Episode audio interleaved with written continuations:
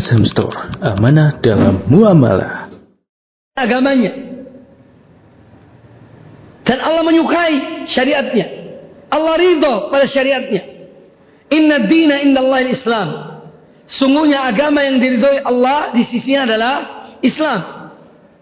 Jadi sudah kita bahas tentang iradah syariah dengan dalil-dalilnya, contoh-contoh ayat yang juga sudah dibacakan. Dan di antara perbedaan antara iradah kauniyah dan iradah syariah, bahwa iradah syariah itu tidak mesti harus terjadi. Allah menyukai, Allah mencintai sesuatu itu, namun tidak mesti terjadi. Tidak mesti ter terjadi. Ya. Wa syari'atu la yalzamu biha wuqu'ul muradi wa la yakunul muradu fiha illa mahbuban lahu. Bagaimana dikatakan oleh Asy-Syaikh rahimahullah taala bahwa iradah syariah adalah la yalzamu biha wuqu'ul murad.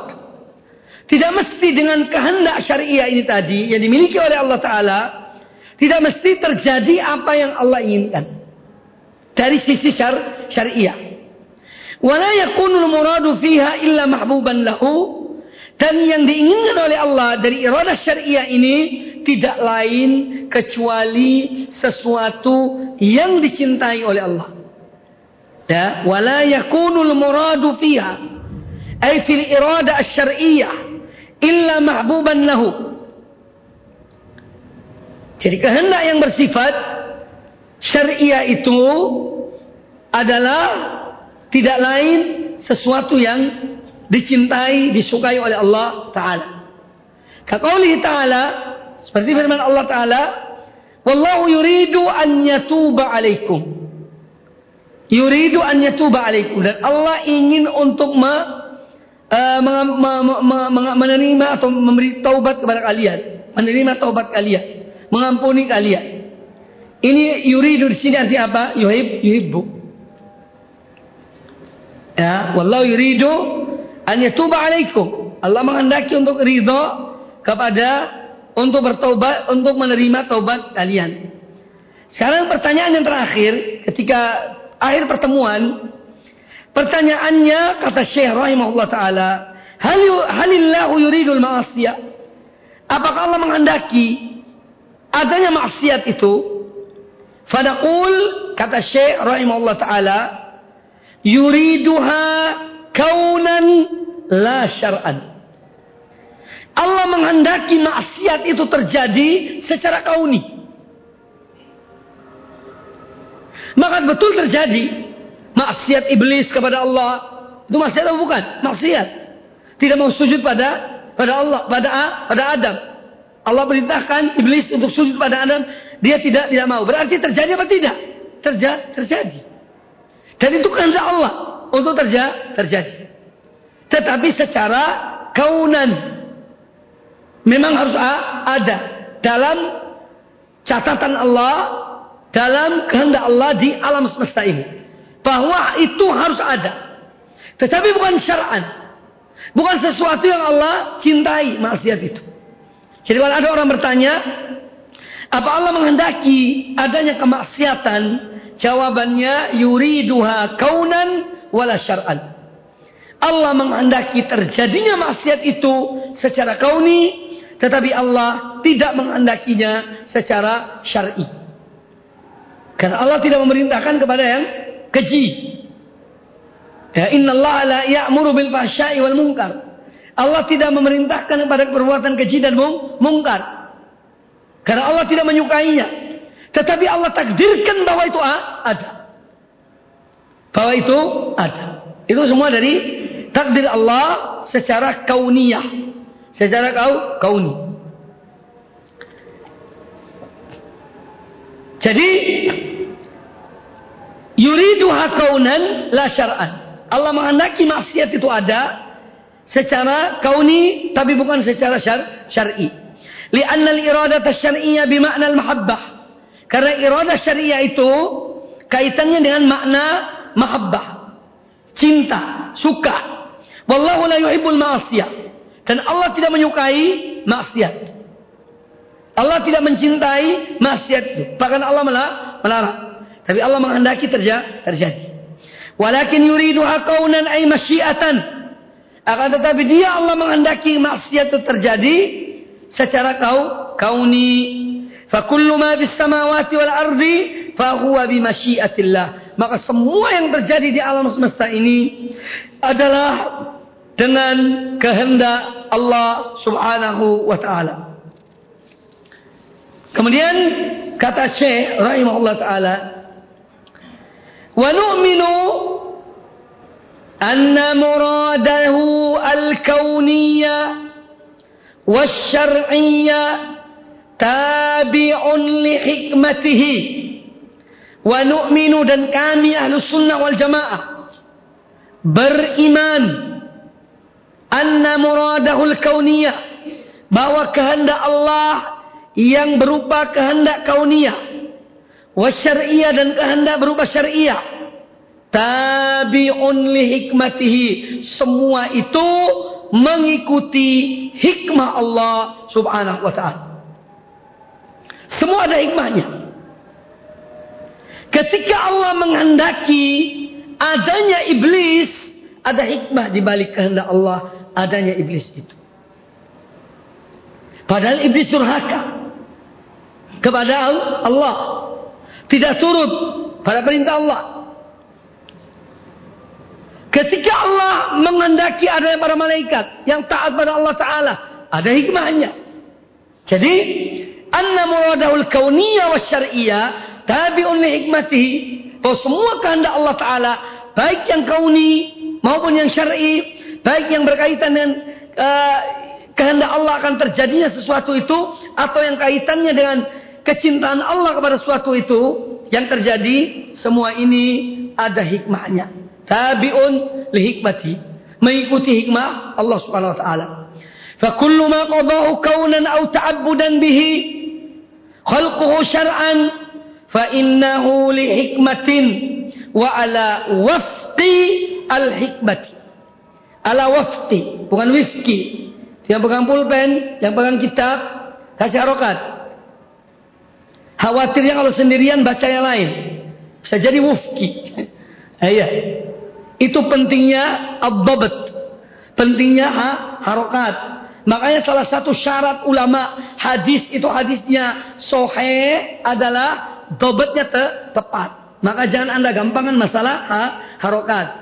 Kalau seorang ahli hadis, dobat harokatnya tidak tepat atau kurang tepat, derajat hadisnya turun dari sohi kepada ha, hasan. Makanya jangan gampangkan masalah harokat. Ya, apalagi dalam tahap belajar. Harus perhatikan masalah harokat. Fakullu ma qadahu kaunan, maka setiap apa saja yang diputuskan oleh Allah, ya, bahwa hal itu terjadi kaunan, ma qadahu kaunan, setiap yang diputuskan oleh Allah itu terjadi.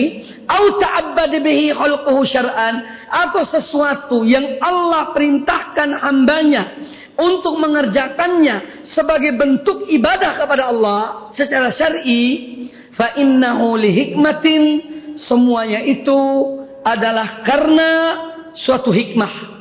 Wa ala wafqi al hikmati dan sesuai dengan hikmah Allah subhanahu wa taala semua yang terjadi. Semua yang diputuskan oleh Allah Ta'ala. Bahwa ini harus ada. Ya. Yang dikehendaki oleh Allah. Qadau kauna. Atau sesuatu yang Allah perintahkan hamba-hambanya untuk beribadah pada Allah. Secara syar'i. Semua itu tidak luput dari hikmah Allah Subhanahu Wa Ta'ala. Dan dia sesuai dengan hikmah Allah Subhanahu Wa Ta'ala. Sawa'un alimna minha Ya. Sawaun sama saja. Alimna minha apakah kita mengetahui dari hikmah itu malam na'lam apa yang tadinya kita tidak ketahui au taqassarat uquluna andalika atau akal kita memang tidak terjangkau pada hikmah tersebut.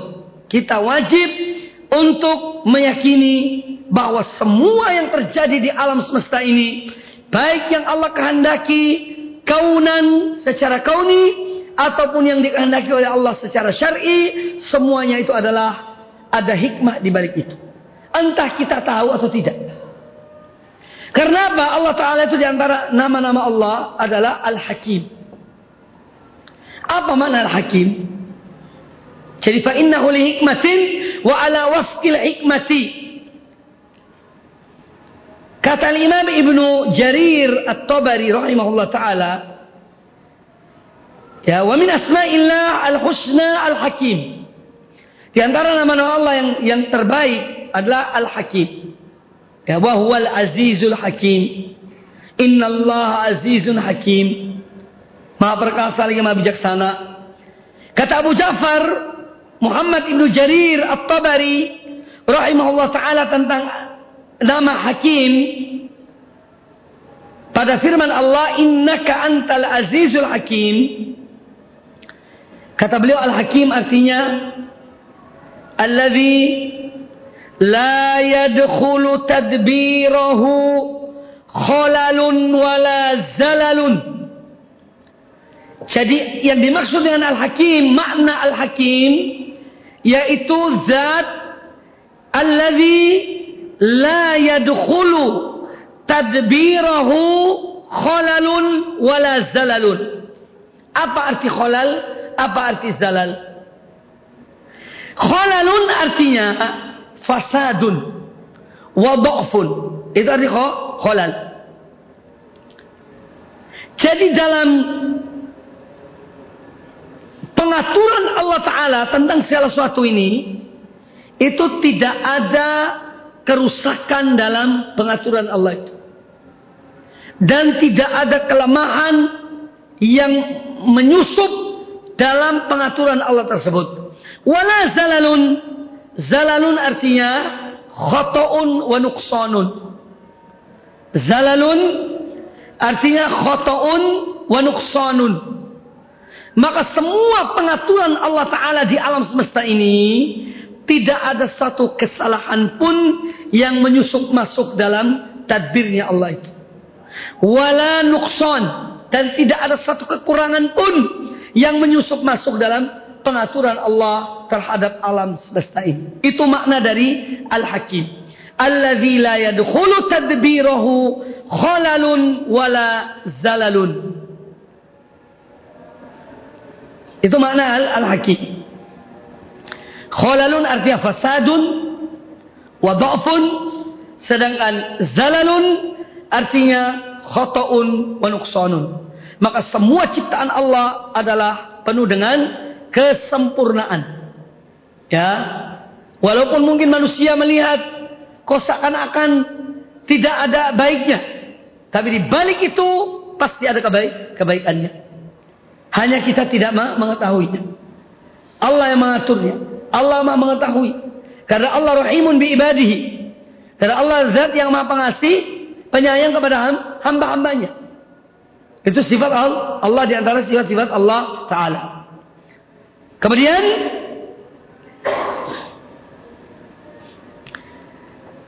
di dalam firman Allah, contohnya surat Al-Baqarah 240, Allah berfirman wallahu azizun hakim. Dan Allah dia maha perkasa lagi maha bijaksana. Artinya hakimun fima qada baina ibadihi. Jadi Allah itu bijaksana dalam semua putusan yang Allah putuskan di antara hamba-hambanya dari perkara-perkara mereka. Kata Al-Imam Ibnu Katsir rahimahullah, al-hakim artinya Al-Hakimu fi af'alihi wa aqwalihi. Allah itu maha bijaksana dalam semua perkataan dan uh, dalam semua perbuatan dan perkataannya. Fayadau al-asya'a fi mahalliha. Maka Allah meletakkan segala sesuatu itu pada tempatnya. Ya, wa hikmatihi wa adli dan Allah meletakkan segala segala sesuatu pada hikmah kebijaksanaannya dan pada keadilannya. Ini di antara makna dari al al hakim. Jadi Allah punya hikmah. Sawaun alimna ma na'lam minha ma na'lam atau taqassarat uquluna. Taqassarat yani la tasil. La tasilu uquluna ila ila tilkal hikmah. Akal kita tidak nyampe, pendek. Tak nyampe kepada hikmah tersebut. Karena ketidakmampu, ketidakmampuannya. Alaihissallahu biahkamil hakimin. Allah Ta'ala berfirman, bukankah Allah adalah hakim yang paling adil? Wa man ahsanu minallahi hukman liqaumin yuqinun. Dan siapakah yang lebih bijak ya, kebijakannya atau hukumnya dan siapa yang lebih baik ya dari Allah dalam meletakkan suatu hukum bagi orang-orang yang yang yakin. Liqaumin yuqinun. Ya, semua putusan Allah itu yang terba terbaik. Kemudian kita pindah pada sifat al-mahabbah. Tadi wa man ahsanu minallahi hukman liqaumin yuqinun itu surat Al-Maidah 50. Al-Maidah ayat 50 yang punya kitab. Kemudian sifat yang berikutnya al-mahabbatu. Kata Syekh rahimahullah taala wa nu'minu bi anna Allah taala yuhibbu awliya'ahu. Dan kami ahlu sunnah wal jamaah beriman bahwasanya Allah Ta'ala mencintai para wali-walinya. Wahum yuhibbunahu. Dan mereka para wali-wali Allah itu juga mencintai Allah. Qul in kuntum tuhibbunallaha fattabi'uni yuhibbukumullah. Katakanlah wahai Muhammad, in kuntum jika kamu benar-benar cinta kepada Allah, fattabi'uni, maka ikutilah aku. Ikutilah Muhammad. Ikutilah Rasulullah sallallahu alaihi wasallam. Yuhibbukumullah. Niscaya Allah akan mencintai kalian. Ini disebutkan dalam surat Ali Imran ayat 31. Nah, sekarang uh, tema dari fakro ini Eh, kemudian beliau membawakan ayat-ayat tentang cinta. Di antaranya fasaufa ya'tillahu biqaumin yuhibbuhum wa yuhibbunahu. Maka pasti Allah akan datangkan suatu kaum yang mereka mencintai yang dia mencintai mereka. Yuhibbuhum jadi Allah mencintai mereka kaum itu wa yuhibbunahu. Dan mereka kaum itu mencintai Allah mencintai Allah. Al-Maidah ayat 54 Kemudian wallahu yuhibbus sabirin. Juga Allah menyebutkan dalam surat Ali Imran 146. Wallahu yuhibbus sabirin dan Allah mencintai orang-orang yang bersabar. Wa aksitu innallaha yuhibbul muqsitin dan berlaku adillah kalian. Sesungguhnya Allah mencintai orang-orang yang berbuat adil. Surat Al-Hujurat ayat yang ke-9. Wa ahsinu innallaha yuhibbul muhsinin dan berbuat baiklah Sesungguhnya Allah mencintai orang-orang yang berbuat baik. Surat Al-Baqarah ayat 195. Nah ini dalil-dalil dari Al-Quranul Karim yang menunjukkan bahwa Allah mempunyai sifat mahabbah. Makanya fakra atau tema dari dari alinea ini wa nu'minu bi anna Allah ta'ala yuhibbu awliya'ahu ini adalah isbatu sifatil hubbi wal mahabbati lillahi ta'ala. Isbatu menetapkan sifat cinta Allah bahwa Allah itu mencintai. Ya. Taliku bijalalihi wa azamatihi sesuai dengan keagungan, dengan kebesaran dan keagungan Allah. Jadi sifat ini ada pada Allah. Jangan disamakan dengan sifat makhluknya. Ya karena Allah Maha Agung, Maha Besar, maka tidak boleh kita samakan sifat ini dengan sifat makhluknya. Intinya kita beriman, kita meyakini bahwa Allah mencintai. Allah mempunyai sifat cinta. Ya, karena ini ada ahlul kalam mentakwilkan makna ini. Makanya ahlus sunnah menetapkannya. Nah, sekarang sifat al-hubbu wal mahabbah. Sifatul hubbi wal mahabbah ini adalah termasuk sifatun fi'liyatun sifatun fi'liyatun. Jadi sifat cinta ini sifat fi'li. Sifat fi. Sifatun fi'liyatun sabitatun lillahi azza wa jalla yang ada pada Allah Ta'ala bil kitab wa sunnah berdasarkan Al-Quranul Karim dan sunnah Nabi Sallallahu Alaihi Wasallam. Allah Ta'ala yuhibbu awliya'ahu. Dia mencintai hamba-hambanya, eh, para wa, para kekasihnya. Ya, para wali-wali Allah. Siapa wali Allah itu? Ini pertanyaan penting. Ya. Siapa wali Allah itu? Disebutkan oleh Al-Quranul Karim tentang siapakah wali Allah itu dalam surat Yunus ayat 62 63. Tentang kalau ada orang bertanya siapa sih wali Allah itu? Apa orang bisa terbang? Ya. Atau orang bisa apa namanya berjalan di atas air? Ya. Kalau dia bisa berjalan di atas air bukan wali Allah apa begitu? Nah, ini ini pertanyaan penting. Ya, karena orang-orang awam, sebagian awam yang jahil, ya, itu uh, mengatakan bahwa uh, wali Allah itu harus ada tandanya. Apa tandanya? Yaitu keanehan-keanehan, keluar biasaan, keluar biasaan yang harus mereka miliki. Contohnya apa? Jalan atas air, ya. Hanya mengucapkan suatu langsung langsung ada. Ya. Itu sebagian orang awam sehingga kadang-kadang mereka, bahkan bukan kadang-kadang, mereka tidak bisa membedakan mana dukun, mana wali Allah. Ya. Mana tukang sihir, mana wali, al, wali Allah. Nah ini harus diluruskan. Nah siapakah wali Allah itu? Yang menjawabnya Al-Quranul Karim. Disebutkan dalam surat Yunus ayat 62-63 Allah Ta'ala berfirman. Ala Inna awliya Allahi la khawfun alaihim wa la hum yahzanun. Alladzina amanu wa kanu yattaqun. Ketahuilah bahwasanya wali-wali Allah itu la khawfun alaihim. Tidak ada rasa hawa, rasa takut atas mereka. Wala hum yahzanun dan tidak pula mereka berduka cita. Siapakah mereka itu wali Allah itu? Alladzina amanu, yaitu orang-orang yang beriman. Wa kanu yattaqun dan mereka adalah orang-orang yang yang bertakwa. Maka wali Allah itu adalah berdasarkan ayat ini wali Allah itu adalah kullu mu'minin muttaqin. Setiap orang mukmin yang bertakwa pada Allah taala, dia adalah wali Allah. Ya, Siapa wali Allah itu? Kullu mu'minin muttaqin. Setiap orang mukmin yang bertakwa kepada Allah, fahuwa waliyun min auliyaillah. Maka dia adalah wali Allah. Ukurannya iman dan tak takwa. Kalau dia beriman pada Allah, bertakwa pada Allah, maka dia ada wali Allah. Berdasarkan ayat ini.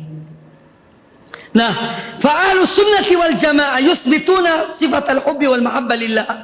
Nah, ahlus sunnah wal jamaah menetapkan sifat cinta ya yang dimiliki oleh Allah Subhanahu wa taala kepada hamba-hambanya. Alama yaliku bihi sesuai dengan kebesaran dan keagungan Allah Subhanahu wa taala.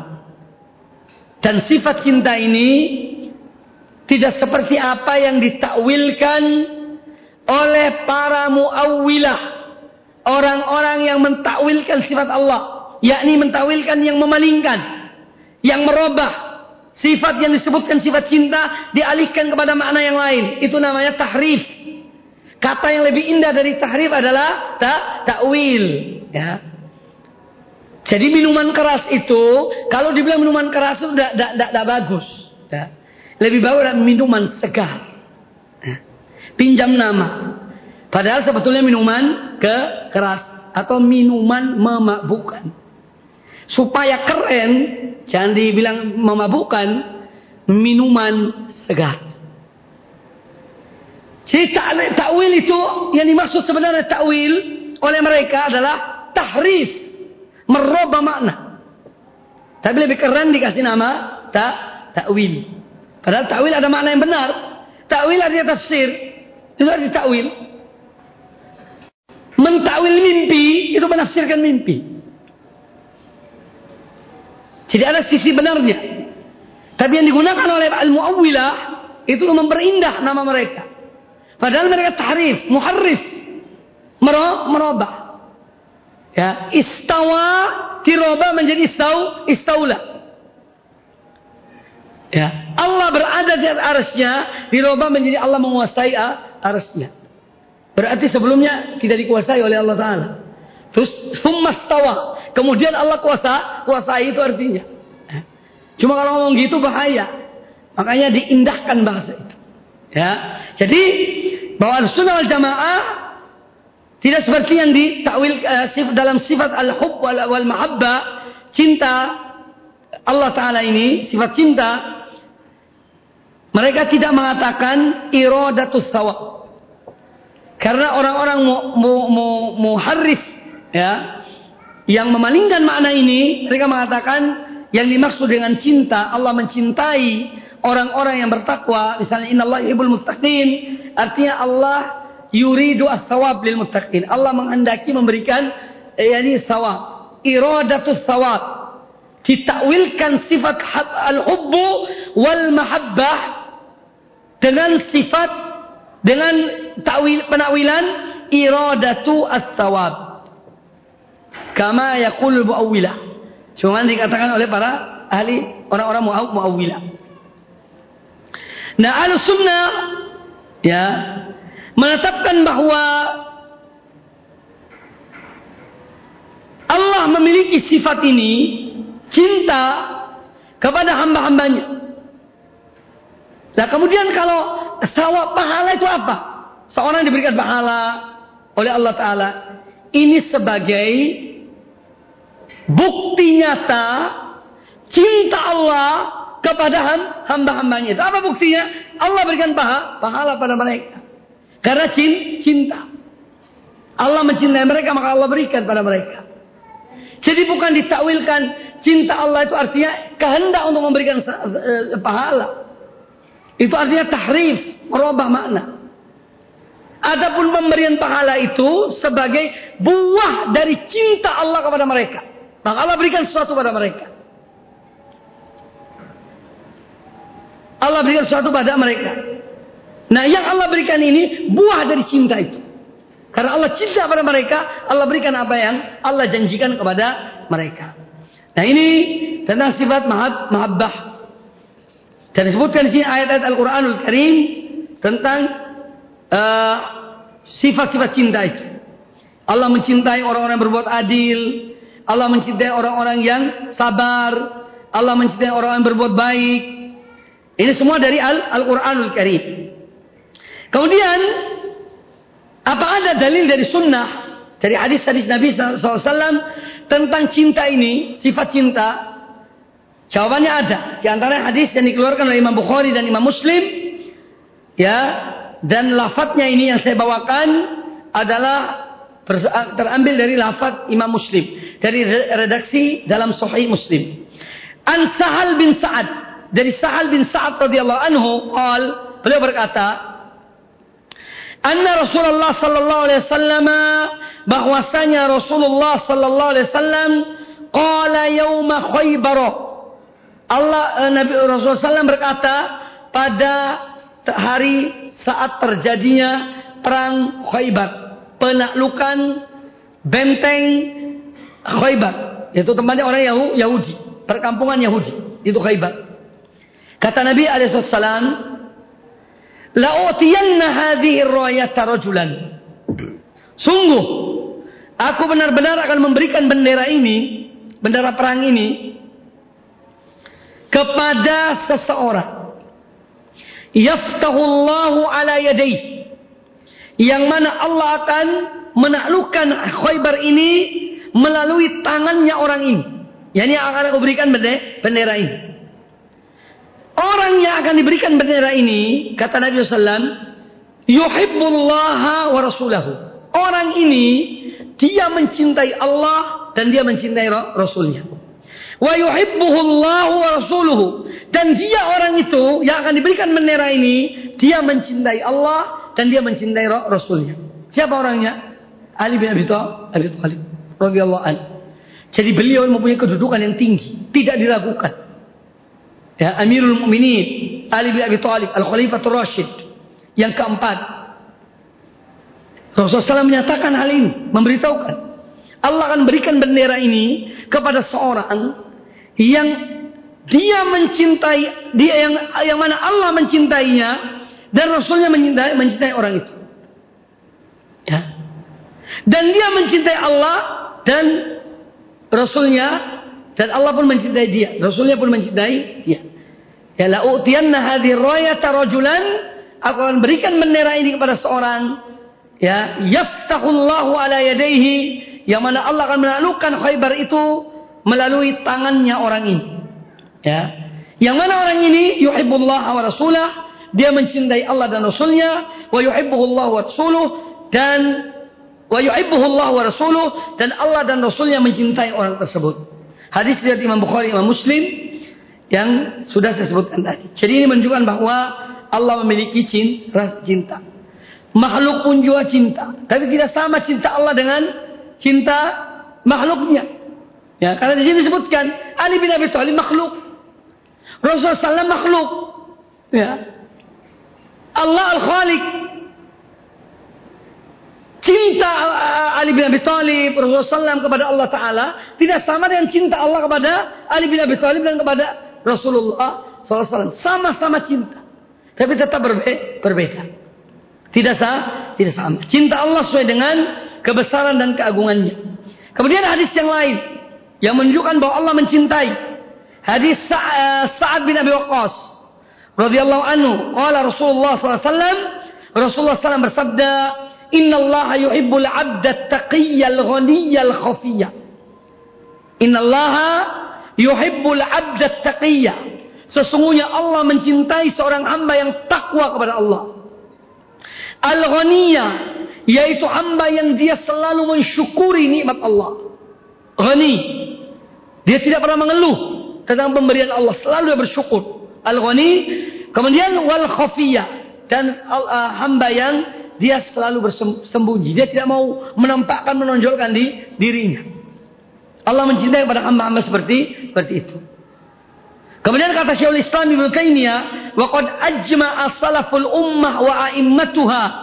Bahwasanya para salaf umat ini dan imam-imam kaum muslimin semua ijma ala isbati mahabbatillah ta'ala li ibadil mu'minin yaitu mereka sepakat menetapkan sifat Allah bahwa Allah cinta kepada hamba-hambanya yang beriman wa mahabbatihim lahu dan bahwasanya mereka para hambanya yang beriman juga mencintai Allah taala.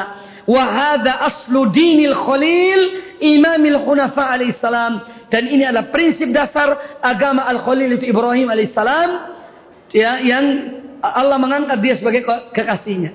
Wattaqadallahu Ibrahim khalila dan Allah menjadikan Ibrahim sebagai ke kekasihnya yang dicintainya.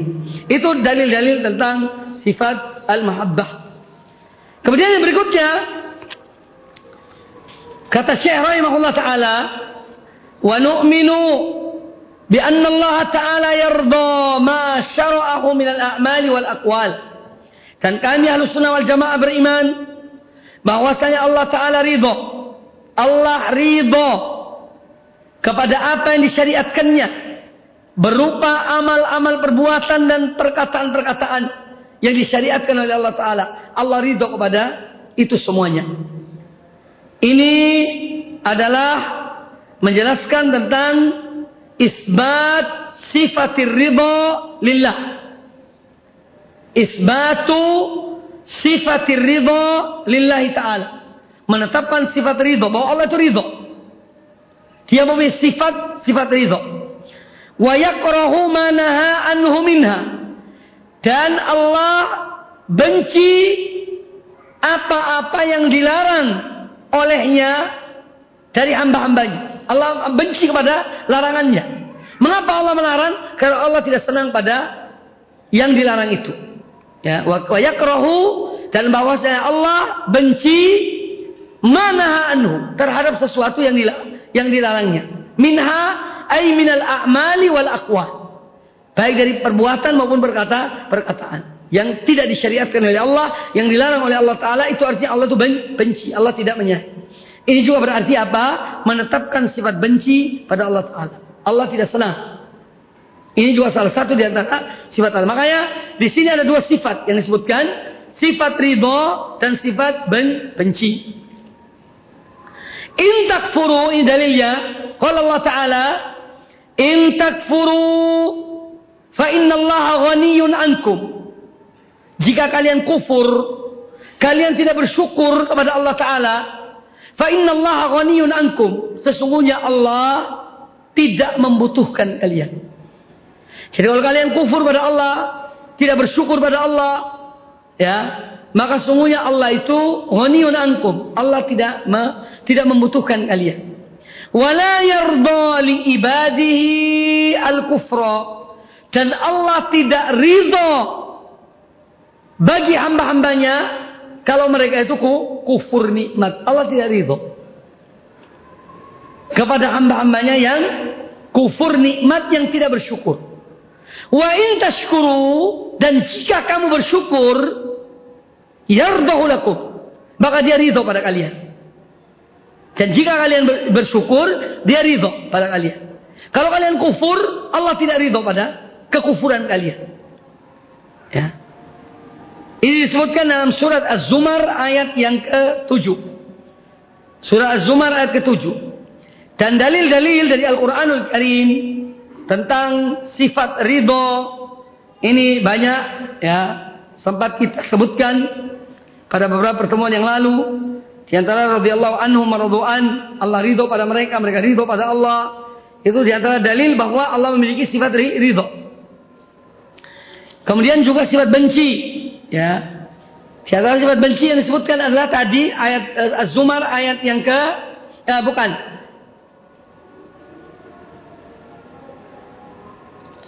Di antara dalil tentang uh, tidak ridho atau benci itu sebutkan dalam surat At-Taubah. Surat At-Taubah ayat 46 yang disebut oleh Syekh pada lanjutan ayat itu. Walakin karihallahum bi'asahum. Akan tetapi Allah itu benci keikutsertaan orang-orang munafikin di medan peperangan. Allah tidak senang mereka hadir. Wakariha. Allah benci. Kehadiran mereka pada peperangan. Pada jihad. Fasabbatahum. Makanya Allah menjadikan mereka itu terbelakang. Selalu melambat-lambatkan untuk pergi jihad. Karena memang Allah tidak menghendaki kehadiran mereka. Walakin karihallahu ibba'atahum. Allah benci ya terhadap kehadiran mereka, keikutsertaan mereka dalam peperangan. Fasabbatahum maka mereka diperlambat. Ya. Dibuat terbelakang. Wakila uqudu ma'al qaidin dan dikatakan pada mereka, duduklah kalian bersama orang-orang yang duduk, yang tidak ikut peperangan. Karena Allah tidak senang mereka hadir. Ini disebutkan surat Taubah ayat yang 46. Baik. Uh, supaya nyambung tentang ayat ini firman Allah dalam surat At-Taubah ayat 46 Allah berfirman walau aradul khuruja la'addu lahu uddatan. Kalau sekiranya mereka orang-orang munafik itu mereka ingin keluar bersama Rasulullah SAW untuk berperang la'addu lahu uddah tentu mereka sudah siapkan persiapan untuk ber, berperang. Ya. Walakin kari Allahum bi'asahum. Tapi Allah tidak menginginkan ya keikutsertaan mereka dalam peperangan. Fatabbatahum maka mereka dibiarkan terlambat bermalas-malasan sehingga mereka tidak ikut dalam peperangan. Dan dikatakan pada mereka udum al-qaidin duduklah kalian bersama orang-orang yang yang duduk yang tidak ikut peperangan kemudian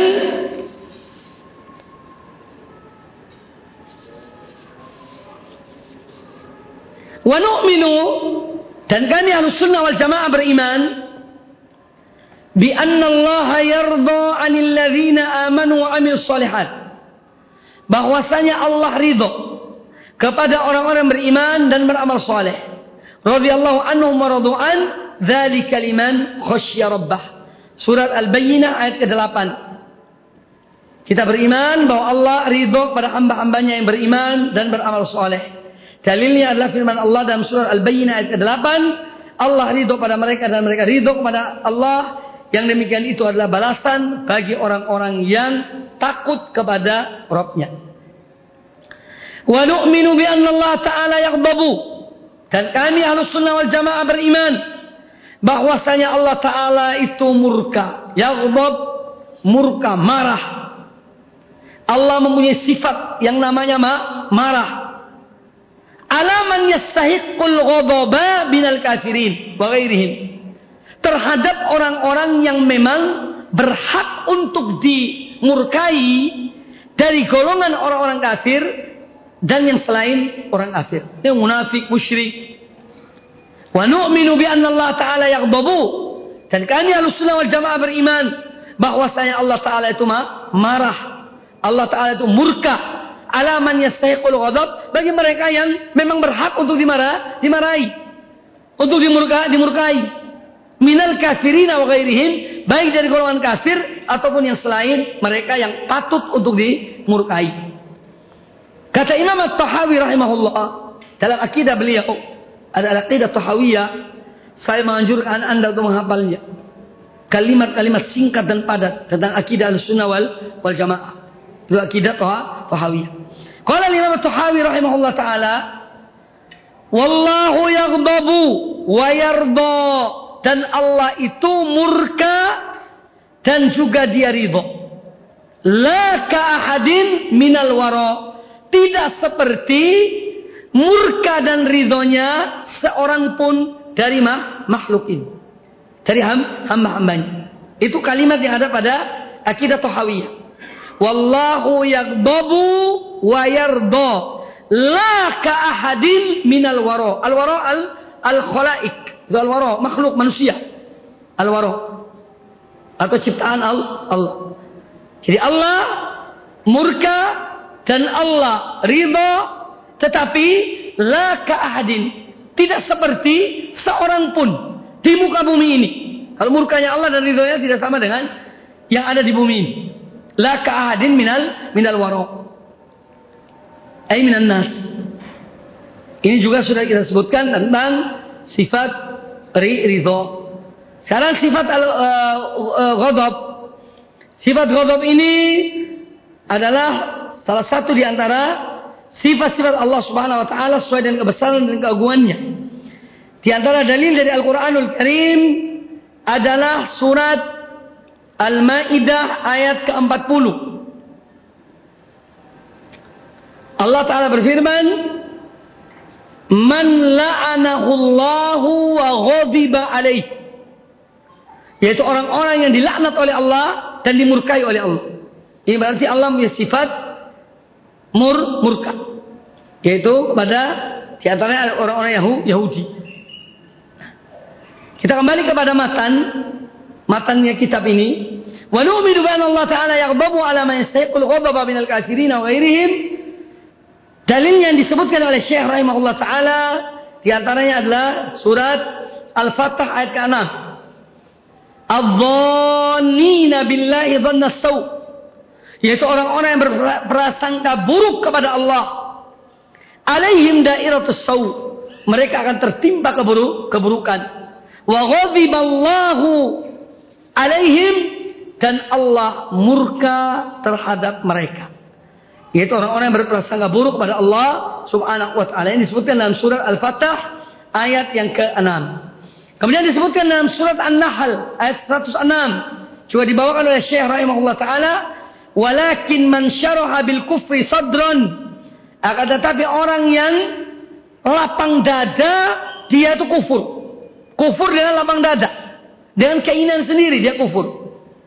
Fa'alaihim ghadamun minallah. Maka atas mereka murka dari Allah. Walahum azabun azim. Dan bagi mereka adalah azab yang besar. Jadi Allah menyebutkan di sini. Walakin man syaraha bil kufri sadran. Orang yang dimurkai oleh Allah Ta'ala adalah orang yang dengan sukarela dia itu kufur. Karena ada orang yang dia itu dipaksa untuk mengatakan kalimat kufur, tapi hatinya tetap iman pada Allah. Ya seperti Ammar bin Yasir radhiyallahu an ketika dia disuruh untuk mengucapkan kalimat kufur. Dia tanya kepada Nabi SAW. Kata Nabi SAW kepada Ammar, bagaimana hatimu? Aku tetap im tenang, iman pada Allah. Kata beliau, seandainya mereka mengulangi lagi, maka ulangi perbuatanmu. Jadi dia mengucapkan kalimat kufur, tapi hatinya tetap mutmainnun bil, bil, bil iman. Tetap tenang dan keimanan pada Allah Ta'ala. Nah orang yang dimurkai Allah, yang dia sukarela. Lapang dadanya. Dia kufur pada Allah Ta'ala. Ini yang dimurkai oleh Allah Ta'ala. Tapi kalau seorang terpaksa, ditindas, ditekan, harus mengucapkan kalimat kufur, lalu dia mengucapkan kalimat kufur itu, tapi hatinya tetap beriman pada Allah, ini tidak mengapa, tidak mengapa. Karena keada, keadaannya. Walakin man syaraha bil kufri sadran fa alaihim ghadabun min Allah wa lahum adzabun adzim.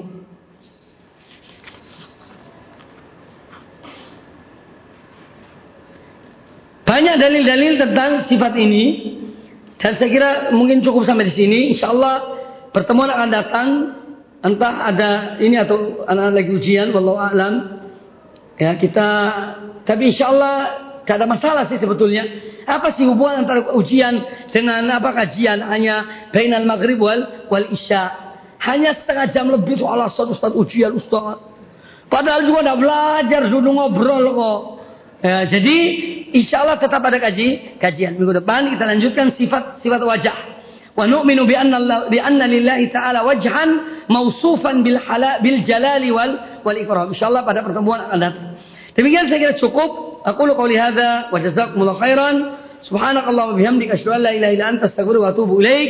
Wa sallallahu wa sallam wa ala nabiyyina wa ala alihi ajma'in.